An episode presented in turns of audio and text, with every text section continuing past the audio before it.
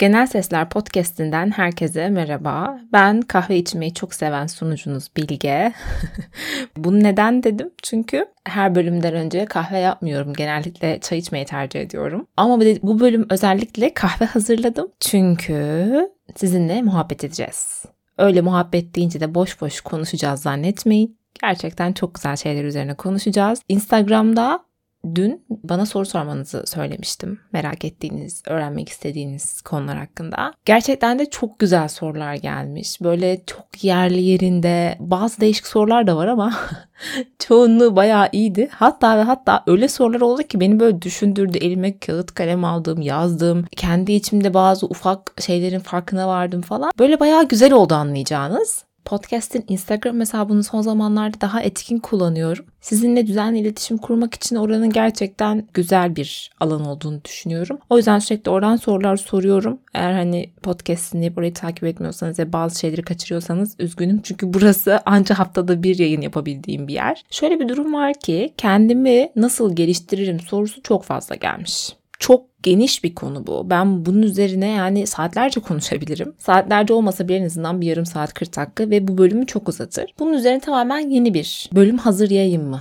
diye sordum ve siz de yeni bölüm olsun demişsiniz çoğunlukla. Öyle olacak. Yine yine ama ufaktan biraz kendini geliştirmek, üzerine konuşacağım. Fakat bunu açıklamalı olarak böyle işte okuma tavsiyeleri, izleme tavsiyeleri, farklı farklı etkinlik tavsiyeleri, bazı online kurslar bunları içeren tamamen yeni bir bölüm hazırlayacağım. Bir de bana gelen bir soru sayesinde 19 yaşındaki halime bir mektup yazdım.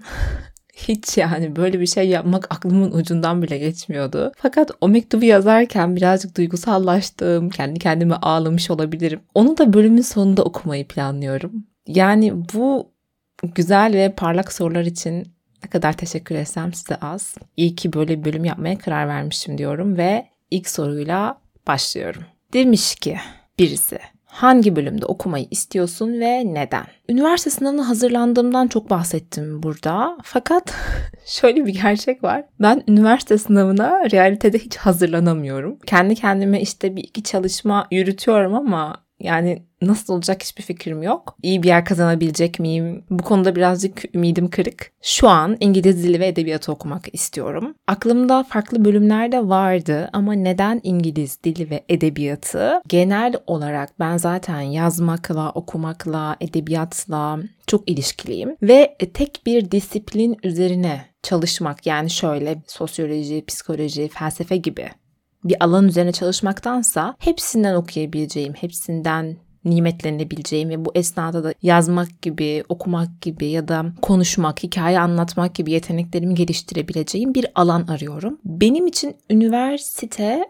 meslek kazanacağım bir yer değil. Eğer meslek kazanmak istiyor olsaydım üniversite yoluyla mühendislik, doktorluk, mimarlık gibi belli bir bölümü tercih ederdim. Fakat onun yerine daha çok zevkle gidebileceğim, yeni şeyler öğrenebileceğim, bol bol yeni kitaplar okuyabileceğim, uzun uzun tartışabileceğim, konuşabileceğim arkadaşlarımla, hocalarımla bir alan arıyorum. Ve maalesef biliyorum ki ülkemizde böyle bir okul bulmak biraz zor. Bunun için iyi bir okulu kazanmak gerekiyor çok böyle tepede olmasa bile ortalamanın birazcık üstünde. Ben de zaten meslek kazanmak değil de daha çok zevkine ve kendimi geliştirmek adına okuyacağım için ortalamanın altında bir yere gitmek istemiyorum. Bunu neden istiyorsun sorusuna yanıtım bu. Tamamen eğlenmek için diyormuşum. yani eğlence için değil tabii ki de gerçekten kendimi geliştirmek ve parlak zihinli insanlarla tanışmak için diyeyim. Umarım hayalimdeki yeri kazanırım ya. Gerçekten. Bu çalışmayla biraz zor çünkü benim hayatım çok dalgalı ilerliyor. Bundan sonraki soruda tam bu soruyu böyle tencere kapak olabilecek vaziyette ne iş yapıyorsun? Şimdi ben bir iş yapmıyorum artık.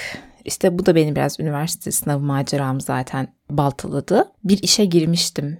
Yeni yılla ilgili bölümde bundan bahsediyordum sanırım. Fakat işi bıraktım. Evet, Bilge'nin kısa süren çalışma macerası. Ne iş yaptığımı söylemeyeceğim yorucu bir iş olduğunu, fiziksel olarak özellikle benden çok fazla verim talep ettiğini ve zamanımı çok aldığını söyleyebilirim. Bu işi eğer yapıyor olsaydım İstanbul'a taşınmam gerekiyordu ki ben İstanbul'da oturmuyorum. İstanbul'da oturanlar da biliyordur. İşe gitmek için en az yarım saat, bir saat gidiyor. Öyle yakınlarda bir yerde çalışmanız çok zor. Benim de gidiş yolum bir saatti, dönüş yolum bir saat. Toplam zaten iki saat yolda harcıyordum. İstanbul şartlarında oldukça normal. Onun dışında çok fazla yoruluyordum. Çalışma saatlerim uzundu. Sınava hazırlanmak olsun, podcast yapmak olsun, diğer yapmak istediğim şeylere hiç vaktim kalmıyordu. İki hafta kadar çalıştım orada. Aslında çalıştığım yerdeki insanlardan oldukça memnundum. Ki bu da iş ortamlarında az bulunan bir şey. Farkındayım. Yani bu konuda şanslıydım en azından. Ama olmadı. Birazcık daha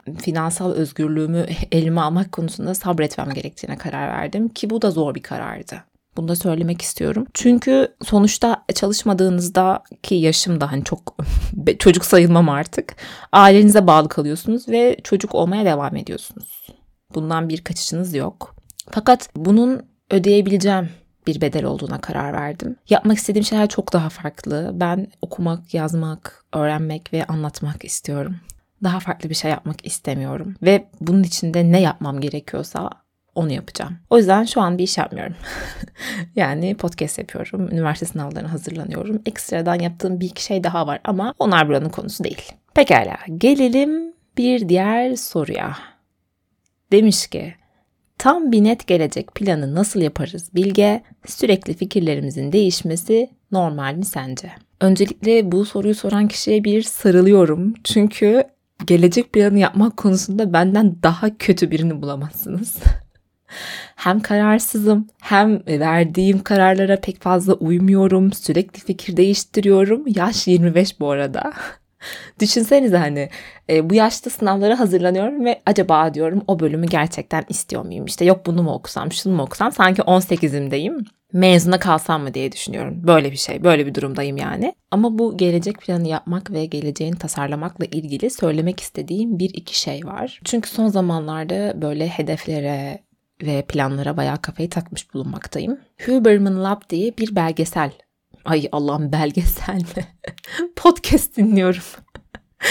Burayı silmeyeceğim. ee, ve bu podcast Andrew Huberman diye bir profesörün podcast'i Stanford'da sinir bilim üzerine çalışıyor. Son yayınladığı bölümde hedef koymak üzerineydi. Planlarımıza uymak üzerineydi. O bölümden aklımda kalan 3 tane madde var. Bence bu maddeleri gelecek planlarımızı yapmak adına da uygulayabiliriz. Bu maddelerin hepsi bilimsel olarak zaten kanıtlanmış olan şeyler. Eğer geniş geniş öğrenmek isterseniz gidin ve Huberman Lab Podcast'in son bölümünü dinleyin derim. Birincisi diyor ki hedefinizi ya da istediğiniz o geleceğin hayalini zihninizde görselleştirin. Yani olmak istediğin yeri iyice bir hayal et diyor. İyice bir onun farkına var. Çünkü beynimiz hayal ettiğimiz şeylerin çoğunu zaten gerçek zannediyor. Bunu hayal edeceğiz detaylı bir şekilde. Yani olmak istediğimiz yeri tam net bir şekilde beynimizde göreceğiz. Bu bir. İkincisi, motivasyonumuz düştüğünde, başarısız olduğumuzda nasıl hissedeceğimizi de görselleştireceğiz. Yani sadece olmak istediğimiz olumlu şey değil, aynı zamanda yolda karşılaşacağımız olumsuzlukları da fark edip Bunları da iyi bir görselleştireceğiz ve o zamanlarda ne yapardık? Bunu düşüneceğiz. Yani başarısızlığa hazır olacağız. Üçüncüsü ise kendimize durmadan ödüller vermeyeceğiz. Her bir ufak şeyde. Ödülleri karışık olarak vereceğiz. Kendi kendimizi şaşırtacağız. Her şey öngörülebilir olmayacak. Her ufak bir şeyde, her bir ilerlemede kendimizi sürekli ödüllendirerek bir dopamin şeyine maruz bırakmayacağız kendimize. Bu üç maddeyi hedeflere ve planlara ulaşmak için bence kullanabiliriz. Onun dışında ben bir podcast bölümü hazırlamıştım. Belirlediğimiz hedeflere ulaşma rehberi diye. Orada da bir hedefe giderken hangi adımları atabileceğimiz üzerine uzun uzun konuşuyordum. Onu da bir dinleyebilirsiniz. Aynı şeyleri çünkü tekrar etmek istemiyorum. Fakat tüm bunların ötesinde yani zihnimizde planlamak, hedefler koymak hepsinin ötesinde bence akışını bırakın. Bu her şeyi salın demek kesinlikle değil. Ama içinizden gelen şeyleri, gerçekten kalbinizden gelen şeyleri yapın. Yapmak istediğiniz şeyleri yapın ve oluruna bırakın. Bu biraz böyle soyut bir şey gibi. Bunun çok farkındayım. Ama benim kendi kişisel deneyimime göre işte deli gibi listeler çıkarmak, sürekli hedefler koymak ve at koşturur gibi onlara ulaşmaya çalışmak, sürekli bir geleceği isteyip de ona kavuşmak için kendimizi paralamak pek işe yaramıyor.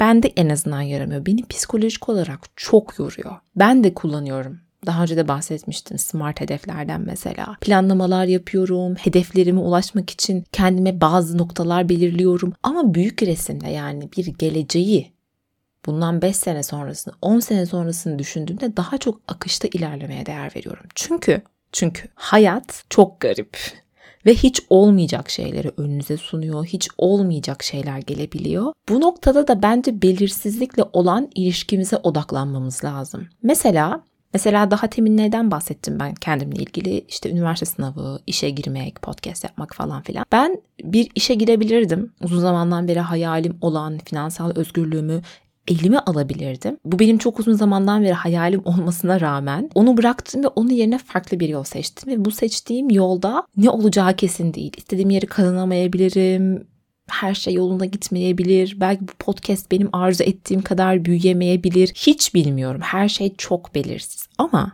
ama gerçekten kalbimden gelen şey yapıyorum. Ve kalbimden gelen, içimden gelen şey yaptığım müddetçe akışa ve sürece güvenebilir. En azından böyle hissediyorum. Belirsizlikle olan ilişkimizi düzenlemek için de bence meditasyona başvurabiliriz. Hep böyle meditasyon, meditasyon diyorum ama bu arada ben mindfulness eğitmenliği eğitimleri aldım. Bu konuda kendimi bayağı bir geliştirmeye çalışıyorum. Ve meditasyonun faydalarına hem bilimsel olarak hem de kişisel olarak çok vakıfım. Belirsizlik insanı yok ediyor mahvediyor ve belirsizlikle olan ilişkimiz bozuldukça gerçekten yapmak istediğimiz şeyleri yapmaktan da çekinir oluyoruz. Bu gelecek planı olsun, başka bir şey olsun. Geçen gün hatta kardeşimle bu konu üzerine konuşuyorduk. O da son zamanlarda böyle belirsiz bir şey için çalışıyor ve dedi ki bana geceleri kabus görüyorum sürekli. Sürekli gece yarısı uyanıyorum. Çok kötüyüm. Hani çok çok ağır geçiyor hayatım çok zorlanıyorum falan dedi. Ve bu tamamen belirsizlikle olan ilişkisindeki esnekliğin zayıf olmasından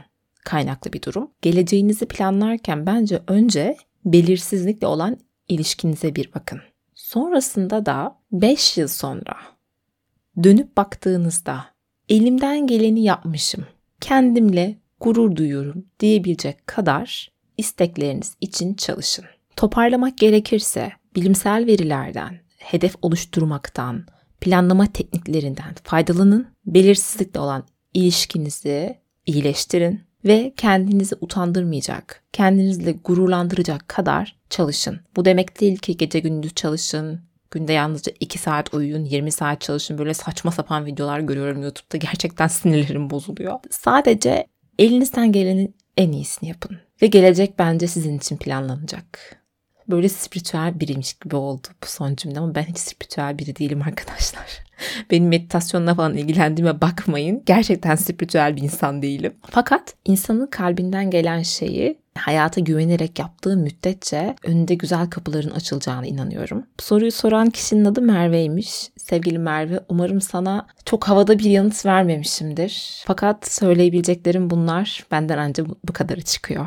Bir sonraki soruya geliyorum. Demiş ki şu meşhur klişe vardır. Neden el alem ne dere takarız? Bu başkalarının söylediklerine takmak sanırım bu bizim insan olarak doğamızda olan bir şey. Yani bence bu bizim evrimimizden bize miras kalmış bir şey. Bununla ilgili araştırsam kesin bulurdum bir şeyler. Başkalarının ne dediğine doğalından takmayan birini bulmak bence imkansız. Çünkü Bizler sosyal varlıklarız ve her halükarda birisinin dediği şey bizi etkileyecektir. Bundan kaçamayız. Fakat bununla olan ilişkimizi düzeltebiliriz. Ben en azından öyle yapıyorum. Yani bunun farkına varmak, şu an bir etki altındayım. Bu etki iyi mi, kötü mü, beni ne yönde, nasıl etkiliyor ve bununla ilişkim nasıl olmalı? Belki böyle sorular sormak ve farkındalık pratikleri yapmak. Fakat nedeni konusunda elle tutulur bir şey söyleyemeyeceğim. Çok üzgünüm. Ama bu konuyla ilgili aklıma bir kitap geldi. Galiba bir zamanlarda çok satıyordu. Mark Manson'ın Ustalık Gerektiren Kafaya Takmama Sanatı isimli kitabı. Belki bu kitabı okumak size faydalı olabilir. Çok popüler bir kitaptı ama güzel bir kitaptı.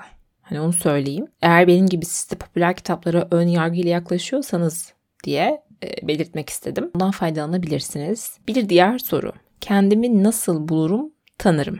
Buna belli bir reçete verebilir miyim hiç bilmiyorum. Podcastlerde çok konuştum üzerine biliyorsunuz ki. Özellikle benlik algısı ve kimlik, biz kimiz isimli podcast'te neredeyse bir saate yakın konuşuyorum. konu üzerine araştırıyorum, kendimce bir şeyler yazıyorum falan filan. Ben de e, kendimi nasıl bulurum, tanırım üzerine çok düşündüm şimdiye kadar ve şöyle bir sonuca vardım kendi çapımda. Kendimizi bulmak ve tanımak değil de bence kendimizi yaşarız. Kendimiz olmayı seçeriz ya da. Çok zor bir şey bunu yapmak. Ama ben bu konuda varoluşçu filozoflardan ve varoluşçu felsefeden çok faydalanıyorum. Bundan önce de söylemiştim zaten. Hepimizin bu dünyaya atıldığını düşünüyorum ben de.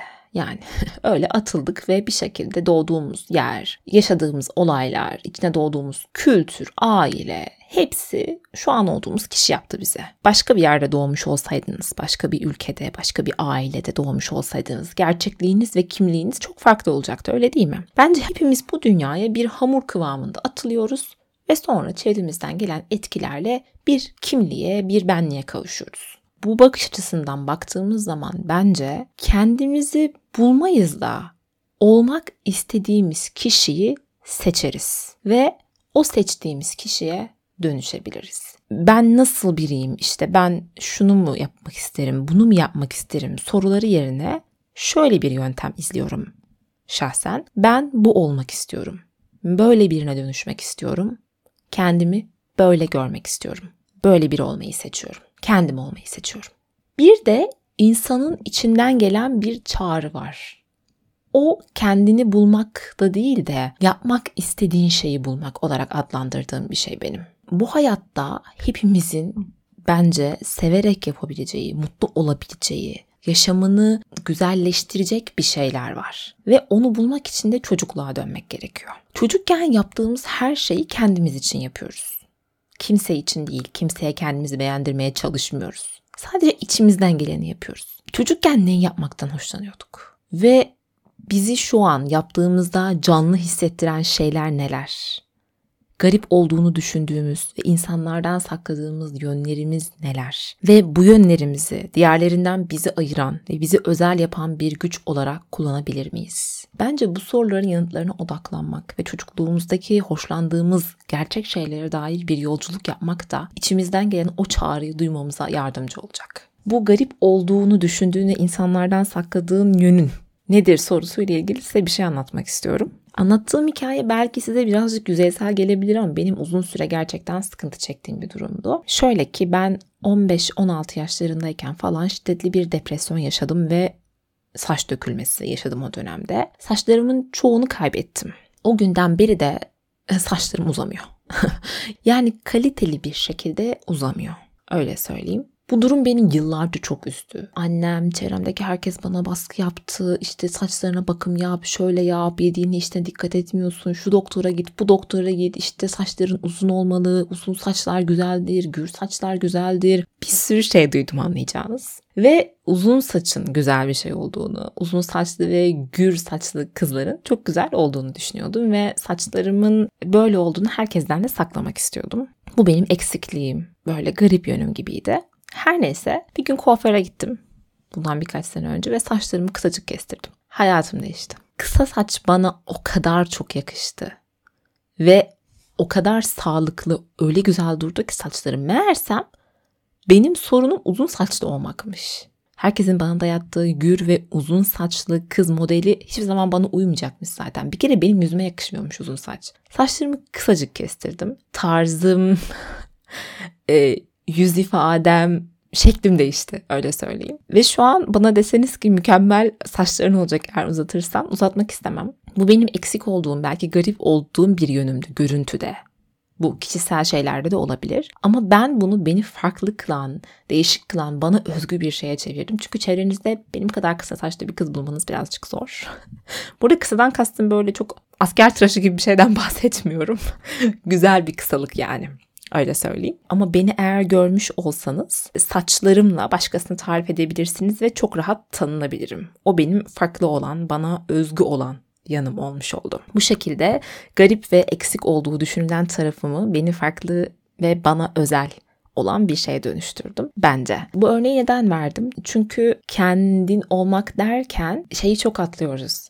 Eksik yönlerimizi ve e, garip olan yönlerimizi kucaklamayı. Bu da kendi olmanın bir parçası ama. O yüzden bedeninizde ya da karakterinizde sakladığınız, garip olduğunu, çirkin olduğunu düşündüğünüz bir tarafınız varsa belki onu sizi özel yapacak bir araç olarak kullanabilirsiniz. Aynı benim saçlarımda yaptığım gibi. Şimdi çok garip ve değişik bir soru var sırada. Biraz da uzun. Demiş ki, diyelim ki senin aşık olman için programlanmış bir robota aşık oldun. Ve robot çok gerçekçi. Yani ben onu insan sanıyorum. Daha sonra bunun robot olduğunu öğreniyorum. Onunla olan gerçek olmayan aşkına geri döner misin? Yani bu durumu önemsemeyip onu sevmeye devam mı edersin yoksa durumun gerçekliğini görüp buna son mu verirsin? Tam anlamıyla anlatabildiğimi düşünmüyorum. Kusura bakma umarım anlamışsındır. Pekala. Değişik bir soru olmuş. Bunu soran kişi ciddi ciddi mi sordu, şakasına mı sordu hiçbir fikrim yok ama bana ciddi gibi geldi. Ben de bunun üzerine biraz düşündüm çünkü hiç böyle bir soru beklemiyordum. Önce aşkla ilgili kendi nacizane görüşümü bildirmek istiyorum. Ben aşkın zaten bencilce bir şey olduğunu düşünüyorum. Aslında biz aşık olduğumuzda yine kendimize aşık oluyoruz. Şöyle, bunu biraz daha açıklayayım. Birine aşık olduğunuzda ondan nelerden etkileniyorsunuz? Mesela karakterine bakalım. Belki görmek istediğiniz, kendinizde olmayan ya da hep kendinizde var olmasını istediğiniz bazı özellikleri karşınızdakinde görüyorsunuz ve onun o taraflarına aslında aşık oluyorsunuz. Bu da bir nevi kendi içinizde olamadığınız kendinize aşık olmaya benziyor. Bence. Tamamen kişisel fikirlerim bunlar. Bu nedenle ben böyle çok gerçekçi bir robot bulmuşum ve tam olarak da benim aşık olacağım şekilde programlanmış ve bunu da biliyorum. Sanırım devam ederdim ya. Uzaktan konuşması da çok kolay yalnız. Çünkü böyle bir şeyin başıma gelme ihtimali oldukça düşük olduğu için havadan atıyorum gibi oldu birazcık. Ama zaten her halükarda ben aşık olduğumda yine kendimde aradığım özelliklere aşık olacağım. Bu robot olmuş, insan olmuş. Çok fark etmiyor. Aslında insanlar da bir nevi biyolojik robotlar diyebiliriz. Bu söylediğim söz birazcık tepki çekebilir, farkındayım ama siz zannediyor musunuz ki yani insanlar çok öngörülemeyen farklı varlıklar? Biz etten, kemikten ve kandan oluşmuşuz. Onlar da farklı bir maddeden oluşuyor. Tabii hani bilinç konusu var, özgür irade bunlar farklı şeyler ama böyle teknoloji çok ilerlemiş. Robotlar insanlar gibi düşünebiliyor, kararlar alabiliyor ve insanlar gibiler aynı. Böyle bir evrende olurdu. Bununla ilgili hatta size bir e, dizi önermek istiyorum Westworld diye. Şimdiye kadar izlediğim en iyi dizi diyeceğim ben ona. O da tamamen böyle e, robotların sevmesi, aşık olması, hissetmesi ve bilinç kazanması üzerine bir diziydi.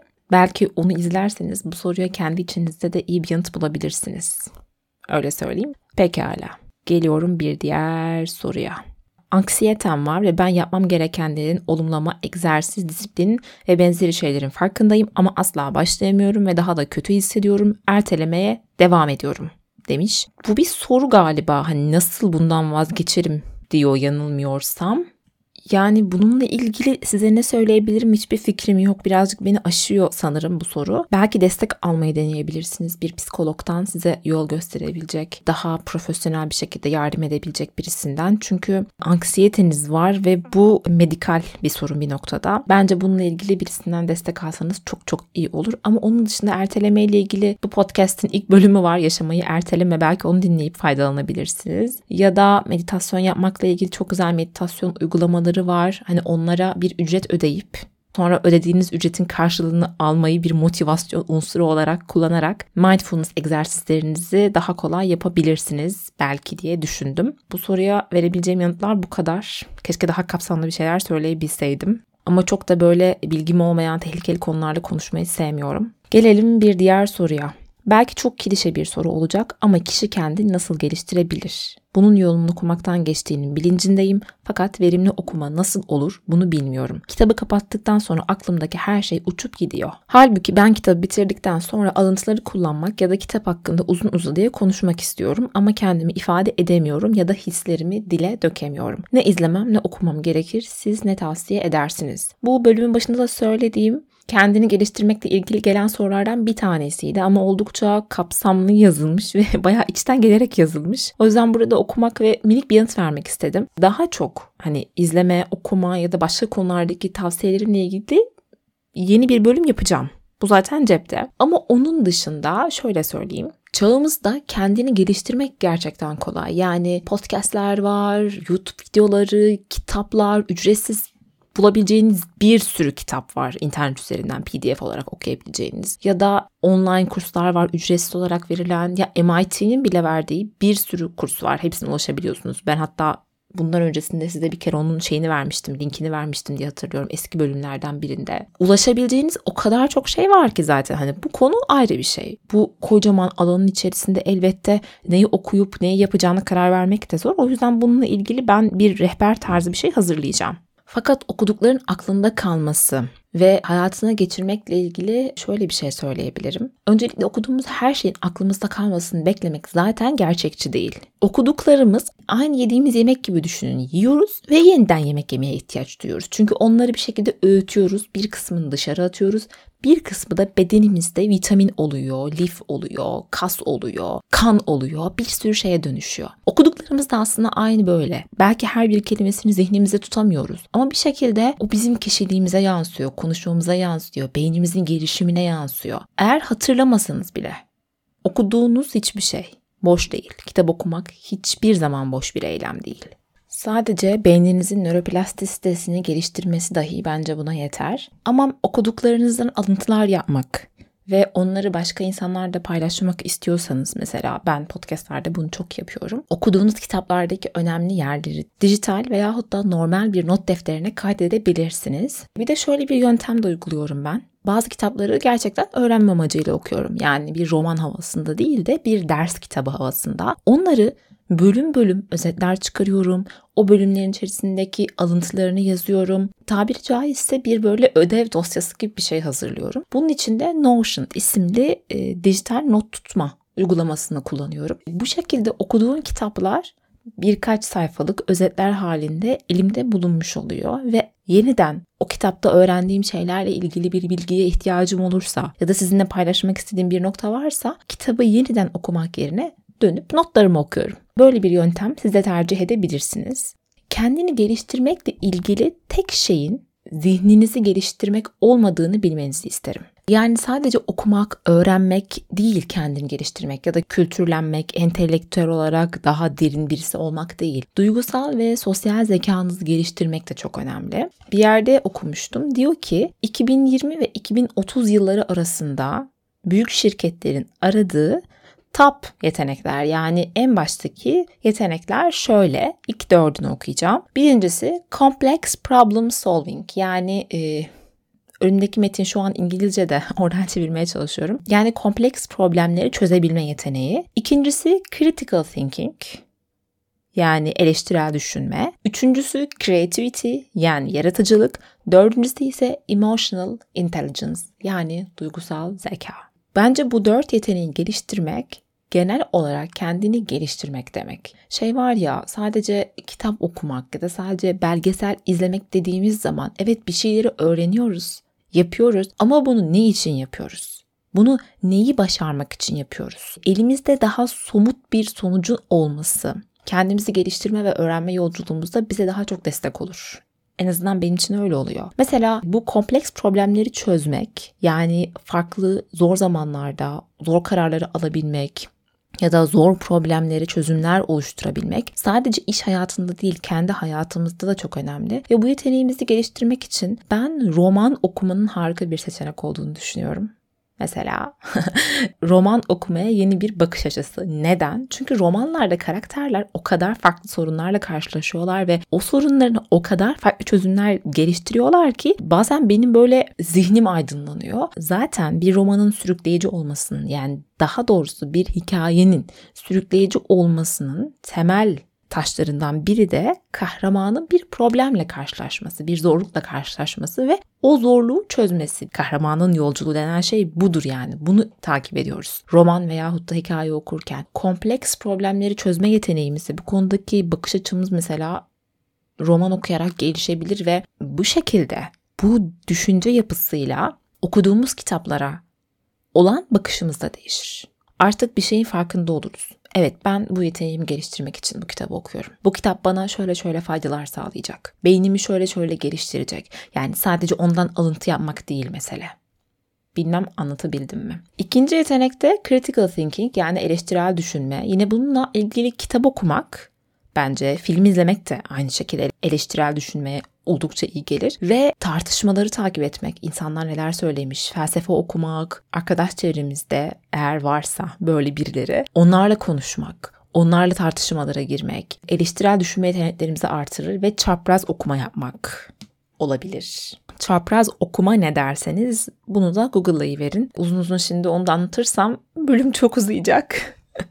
Belki kendini geliştirmekle ilgili bölümde bundan bahsederim. Creativity yani yaratıcılıkla ilgili ise bir bölüm yapmıştım ben zaten. Yaratıcı olmak istiyorum ama nasıl isimli. Yaratıcılığın pek çok şekilde geliştirilebileceğini düşünüyorum ve her insan yaratıcı bir varlık olarak da var. Bu insan olmamızın doğasında var. Yine o bölümü dinleyerek veyahut da bol bol yazarak ben yazmanın çok faydalı olduğunu düşünüyorum ya da çizerek de olabilir. Bir şeyler çizerek de içimizdeki yaratıcı benliğimizi uyandırabiliriz. Ben bununla ilgili sabah sayfalarını çok etkin olarak kullanıyorum. Sabahları uyanır uyanmaz bir şeyler yazıyorum ya da işte ne bileyim kendimce keyfimce çirkin de olsa çizimler yapıyorum, konuşmalar kaydediyorum. Mesela bir podcast yapıyorum yaratıcılığın beslediği için. Yaratıcılığı da geliştirmek bence kendini geliştirmenin bir parçası. Ve son olarak da emotional intelligence yani duygusal sosyal zekamız çok önemli. Hatta hayattaki en önemli şeylerden biri. Sırf bu konu üzerine bir bölüm hazırlıyorum. Okumalarını yapmaya başladım. Ne zaman gelir bilmiyorum ama konuşacak çok konu var gerçekten ve hepsi de birikti. İnsanlarla olan ilişkilerimizi düzenlemek, çevremizle olan sosyal ilişkilerimizin düzgün olması, sosyal varlıklar olarak bizim toplum içerisinde düzgün aksiyon alabilmemiz için duygusal zeka çok önemli. Kendini geliştirmek derken bence bunu da dikkate alın. Belki bu çerçevede insan doğası üzerine bir şeyler okumak ve farklı insanlarla tanışabilmek için kendinize alan açmak çok iyi olabilir. Yeni insanlarla tanışmanın özellikle sizden farklı, garip bulacağınız, daha önce sizin gibi düşünmeyen insanlara hayatınızda yer açmanın zihninizi çok geliştirebileceğine inanıyorum. Kendini geliştirmekle ilgili şimdilik söyleyeceklerim bu kadar. Böyle bir dört madde sunmuş oldum size. Birazcık da okuduklarınızı hatırlamak üzerine tüyo vermiş oldum. Ama dediğim gibi daha geniş ve kapsamlı olarak konuşacağız aklımda. Son soruya geçiyorum artık. O da demiş ki 19 yaşındaki kendinizle konuşma şansınız olsaydı ona ne derdiniz? Evet. Geldik benim en sevdiğim soruya. Ben bunu okuduktan sonra oturdum ve 19 yaşımdaki versiyonuma bir mektup yazdım. Bu soruya yanıt olarak o mektubu şimdi sizlere okuyacağım ve bu bölümde kapatacağım ondan sonra. Hazır mısınız? Başlıyorum. Çok değil. 6 yıl sonra hayalin dahi kurmadığın bir insana dönüşeceksin. Şu an adını bile duymadığın işler yapacaksın. Kendini kapana kısılmış, yolunu kaybetmiş, güçsüz hissediyorsun. Gelecekten umudun yok. Ama dönüşebileceğin insana dair de hiçbir fikrin yok. Senden tek isteğim hayatın akmasına izin ver. Ve inandığın, düşündüğün şeylerin doğru olmama ihtimalini hep aklında tut. İnsan olma deneyimi yanında pek çok kusurla birlikte geliyor. Bunlardan biri de kendini evrenin merkezinde sanıp her şeyin senin deneyimlediğin şekilde gerçekleştiğini varsaymak. Zamanla öğreneceksin ki bu dünyada herkes farklı deneyimler ve gerçeklikler yaşıyor. Hayat sandığından çok daha karmaşık ve güzelliği de buradan geliyor. Aynı tüm karmaşasına rağmen akan ve değişen hayat gibi sen de devam etmelisin. Akmalısın. Seni nelerin beklediğine dair hiçbir fikrin yok. Ama bu seni korkutmasın. Bunu sana derken 25 yaşındayım. Ve beni bekleyen şeylere dair içimde haladır korku barındırıyorum. Ama beni engelleyen bir korku değil. Birlikte yaşamayı öğrendiğim bir korku bu. Haladır ailenin ve gittiğin eğitim kurumlarının sana öğrettiği şekilde yaşıyorsun ve bu yüzden acı çekiyorsun. Bazı şeyler hemen değişmez ve bu da onlardan biri. Ama sana tüm hayatın boyunca zor zamanlarda aklında tutman gereken kendin hakkında birkaç bilgi vereceğim. Birincisi, başka insanlarla tanışmayı sevdiğin ve sosyal ilişkiler kurmada zorlanmadığın için kendini dışa dönük biri sanıyorsun. Fakat tam tersi. Sen içe dönük birisin. İhtiyacın olan yalnız kalmak, kendinle vakit geçirmek ve kendini dinlemek. İkincisi, çocuklar gibi eğlenmeye çalış. Çünkü 60 yaşına da gelsen, içinde yaşayan mutlu bir çocuğa her zaman ihtiyaç duyacaksın. O olmadan hayat zor ve sıkıcı olurdu. Üçüncüsü ise kitap okumaya devam et. Gerçi bunu dememe gerek yok. Sen okumadan duramazsın. Hayatı, empatiyi, düşünmeyi, tarihi, bilimi, insan psikolojisini ve yaşamayı hep kitaplardan öğreneceksin. Çevrende senin bu kadar çok okumandan ve olabileceğin kişiden korkan insanlar var. Ve sana çelme takmaya çalışıyorlar. Bunu değiştiremezsin. Aynı gelecekte başına gelecek kötü olayları değiştiremeyeceğin gibi. Sen sadece tepkilerini belirleyip seçim yapabilirsin. O halde kendi yolunda ilerlemeyi seçmelisin. Ne kadar küçük ve savunmasız olduğunu gördükçe kalbim acıyor. Ama bana zamanda yolculuk yapıp hayatını değiştirme şansı verilseydi bu şansı kullanmazdım. Yaşadığın olayları yaşamadan, hissettiğin duyguları hissetmeden bugünkü haline gelemeyeceksin. Ve ben bugünkü halimizden çok memnunum. Kahvem bitti ve bu bölümde artık bitiyor. Bana böyle güzel sorular sorduğunuz için ve beni dinlediğiniz için size çok teşekkür ederim. Genel Sesler Podcast'inin bir bölümünün daha sonuna geldik. Gelecek bölümde görüşmek üzere. Hoşçakalın, kendinize çok iyi bakın.